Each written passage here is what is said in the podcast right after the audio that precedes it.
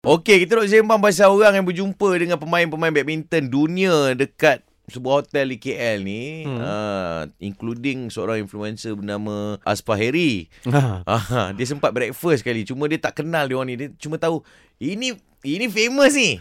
Tapi siapa orang Tapi tu? ni, tapi ni, Ah, ah, ah, kena ah. faham ni eh. Apa dia? kepada pemain-pemain contoh pemain Denmark ataupun Korea bukan? Ah, ah. Mungkin dia rasa uh, benda macam yang sama juga uh, kepada Aspa. Uh, uh. Kan? Dia ni macam artis tapi aku like influence What? Ah, kan? Ah. Ah. maybe lah, maybe. Kita pun tak tahu kan. Tapi kalau pernah berlaku pada anda, cerita pada kami. Kita ada Nurul. Hai, Wak. Hai. Hmm. Uh, ni berlaku tahun 2012. Masa tu saya student, kita orang ada buat satu event collaboration dengan UNICEF.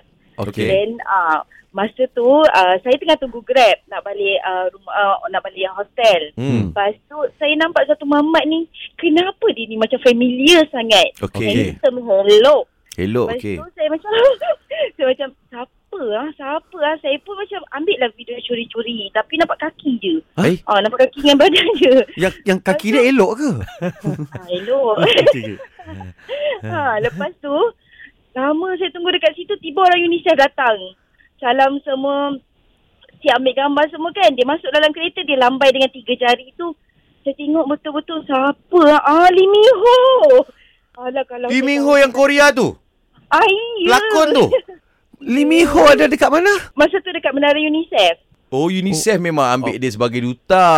Oh. Tapi masa tu 2012 dia belum worldwide lagi terkenal. Oh, tapi Ah. awak dah kenal. Eh, awak pun tak kenal lah. Cuma awak tahu dia ni artis saya tak lah. kenal lah. Saya tahu siapa, saya tak tahu siapa dia tu. Saya Weh. tahu dia artis. Ruginya Sebab- bunyi macam pasal orang pun tak berapa kenal dia that time. Ah. Maknanya awak boleh betul-betul boleh menghampiri dia tu. Ha, you Ya, almost there dah. dia- Sebab dia sangat commoner. Macam, alah, macam biasa sangat dia pakai. I nak Dia tengok video kasut dia tu, video kaki dia tu. Ah, alah, masa tu kita pakai phone yang uh, campak ke a- baling ke anjing pun maling anjing tu mati. Oh, Oi. pakai Ah, batu-bata. Oh. yang letak dekat poket sebelah kan, selak-selak kan koyak selak.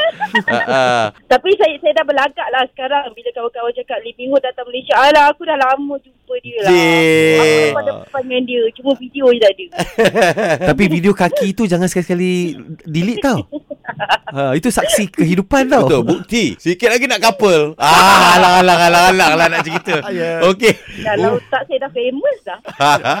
Okey Nurul, terima kasih Thank you, Nurul. thank you so much. Nurul. Alright, thank you Era. Bye.